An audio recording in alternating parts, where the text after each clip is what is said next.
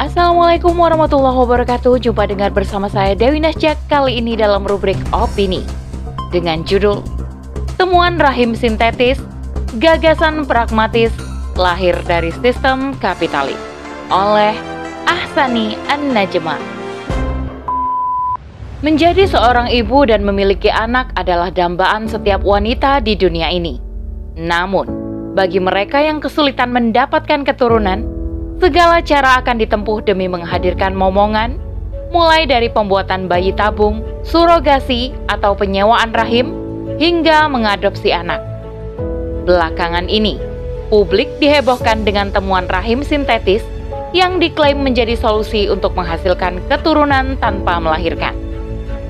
Allah sebagai Al-Khalik memberikan kepercayaan kepada seorang ibu untuk membawa calon manusia lain yang hidup selama 9 bulan 10 hari di dalam rahim. Sungguh, nikmat yang tak terkira yang patut kita syukuri. Bayangkan rasanya ketika kita mengandung janin yang terus berkembang, bergerak, dan melonjak-lonjak sampai terkadang membuat kita meringis, namun tetap ada rasa bahagia yang tercipta. Itulah anugerah namun, adakah yang dapat menandingi pemberian terindah dari Sang Kuasa? Ternyata ada saja pihak yang berusaha ingin menandingi ciptaannya.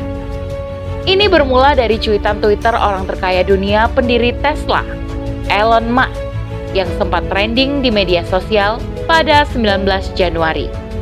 Elon mengeluhkan peradaban manusia akan punah karena populasinya yang terus menurun, sembari melampirkan sejumlah berita yang menyatakan bahwa tingkat kelahiran di Amerika Serikat menurun 4% pada 2020, terlebih banyak orang yang tidak mau memiliki keturunan demi masa depan yang lebih baik. Cuitan tersebut ditanggapi oleh pendiri kripto, Vitalik Buterin, dengan memberi gagasan gila Synthetic Wolves, yang berarti rahim sintetis. Menurutnya, ide brilian rahim sintetis ini dapat menggantikan peran mengandung seorang wanita. Selain menghilangkan permasalahan turunannya populasi, ide ini dapat menghilangkan beban kehamilan yang tinggi dan secara signifikan mengurangi gaji ketidaksetaraan gender. Sontak, hal ini menuai kritikan keras dari warganet.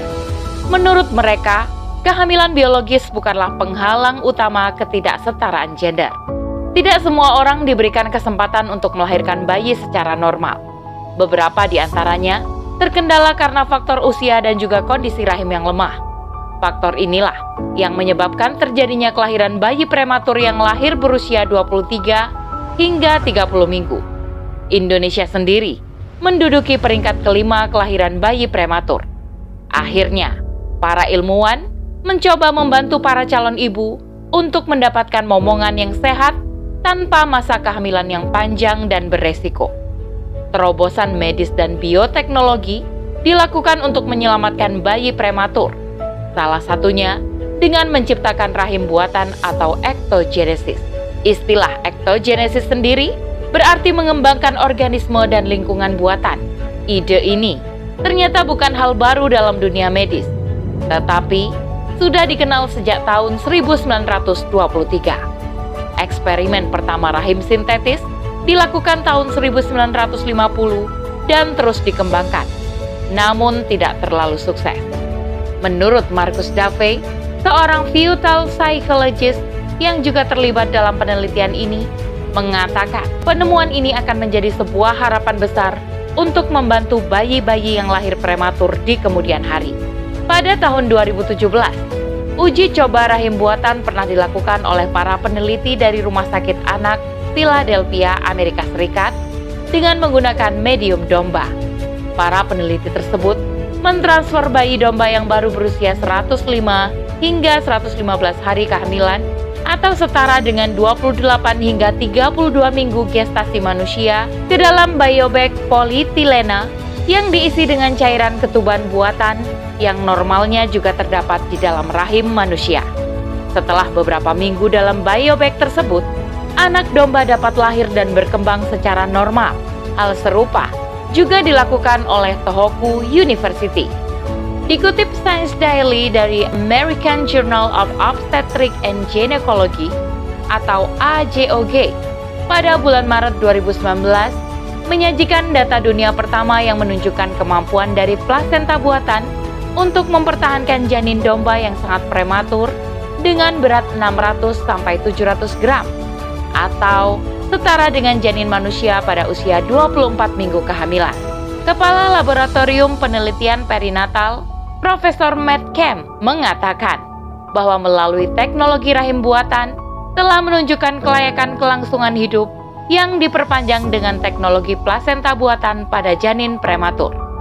Penggunaan teknologi rahim buatan ini dipercaya memberikan manfaat seperti meningkatkan harapan hidup bayi prematur, menurunkan angka kematian bayi lahir prematur, menguatkan dan mengembangkan organ dalam vital yang belum siap, serta memenuhi nutrisi bayi lahir yang kurang.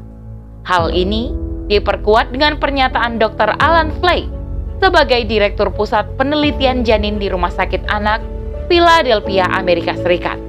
Menurutnya, bayi lahir prematur memiliki kebutuhan mendesak untuk jembatan antara rahim ibu dan dunia luar, sehingga tujuan utama penelitian ini adalah menyediakan lingkungan untuk bayi prematur agar dapat dengan memaksimalkan proses perkembangan organ paru-paru dan organ tubuh lainnya selama periode kritis di usia 23 sampai 28 minggu setelah pembuahan. Namun, penciptaan teknologi ini semata-mata hanya untuk membantu kelahiran bayi prematur, bukan untuk membuat bayi tanpa kehamilan. Karena pada dasarnya, tidak mungkin bayi lahir tanpa proses pembuahan terlebih dahulu dalam rahim seorang ibu. Adanya rahim sintetis ini tentunya menjadi angin segar untuk pihak-pihak tertentu. Apalagi jika teknologi ini dikembangkan secara terus-menerus, sehingga dapat dijadikan para kapital sebagai komoditas baru untuk diperdagangkan. Sistem kapitalisme yang melahirkan asas liberalisme tentu saja tidak akan lengah memanfaatkan temuan teknologi ini Apalagi, gagasan ini diamini oleh para kapital yang mengusulkan peran perempuan mengandung diganti dengan rahim buatan ini dan secara signifikan diklaim dapat membantu mengurangi kesenjangan gaji antar gender. Sehingga kaum perempuan dapat terus bekerja tanpa harus menanggung beban kehamilan yang berat dan panjang. Lagi-lagi, solusi pragmatis yang ditawarkan untuk mengatasi kesenjangan gaji antara pekerja laki-laki dan perempuan. Dan materilah sebagai tolak ukur perbuatannya. Tidak hanya itu, ide ini bukan tidak mungkin akan dijadikan sebagai solusi yang ditawarkan untuk pasangan LGBT, yakni lesbian, gay, biseksual, dan transgender untuk memiliki anak tanpa harus mengalami proses kehamilan dampaknya lebih jauh. Akan makin marak manusia yang memilih melakukan penyimpangan seksual sejenis LGBT ketimbang menjadi pasangan yang normal dan memiliki keturunan. Fakta ini jelas menyalahi kodrat dan di luar batas. Sistem kapitalisme sekularisme akan menumbuh suburkan perilaku liberal. Hal ini tak bisa dimungkiri akan menjadi pilihan umat Islam untuk mengikuti tren tersebut yang berujung pada kehancuran peradaban manusia. Na'udzubillah min zalik. Seiring dengan perkembangan ilmu pengetahuan dan teknologi yang pesat, masih banyak pemahaman yang keliru di benak umat tentang realita hadoroh dan madaniyah.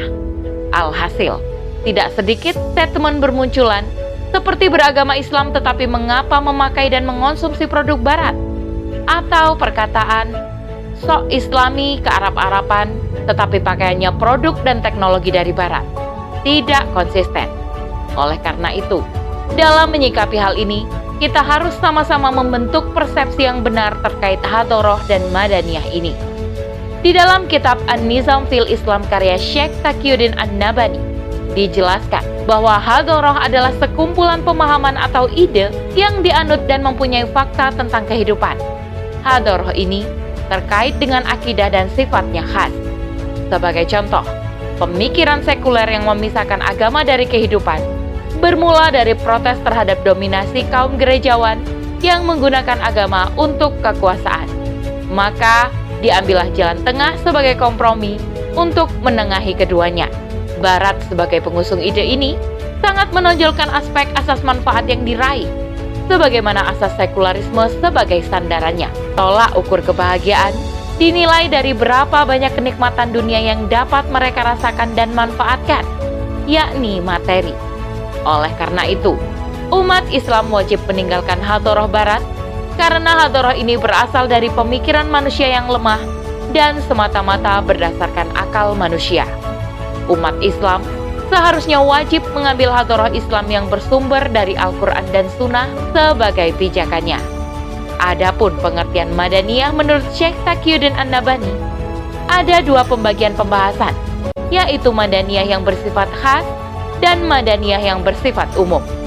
Madaniyah yang bersifat khas contohnya terletak pada benda-benda yang terkait dengan akidah tertentu atau mengandung pemikiran atau hadoroh seperti topi natal, kalung salib, candi, patung, dan lainnya dihukumi haram untuk dipergunakan oleh seorang muslim. Sementara, Madaniyah yang bersifat umum adalah Madaniyah yang tidak terkait akidah tertentu atau mengandung pemikiran atau hadoroh. Madaniyah ini semata-mata merupakan hasil dari kemajuan sains dan perkembangan teknologi atau industri.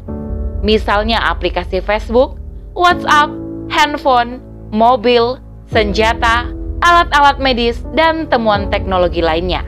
Maka, hukum menggunakannya adalah halal selama dimanfaatkan dengan benar sesuai dengan koridor syariat Islam. Karena benda-benda tersebut tidak mengandung pemahaman atau pandangan hidup tertentu.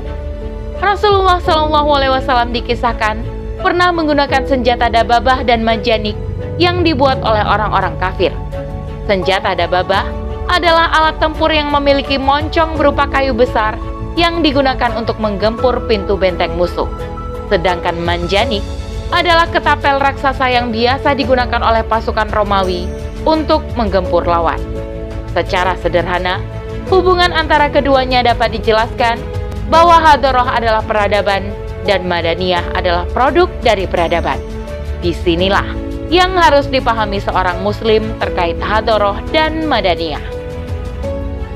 Adanya penelitian dan penemuan rahim sintetis ini sejatinya merupakan hasil perkembangan ilmu pengetahuan dan teknologi. Akan tetapi, Islam mendudukan hal ini hanya sebatas temuan teknologi dan tidak bermaksud untuk menggantikan rahim ciptaan Allah yang maha sempurna dengan segala fungsinya, termasuk tidak menyalahi fungsi hasil teknologi ini dengan sesuatu yang bertentangan dengan koridor syariah.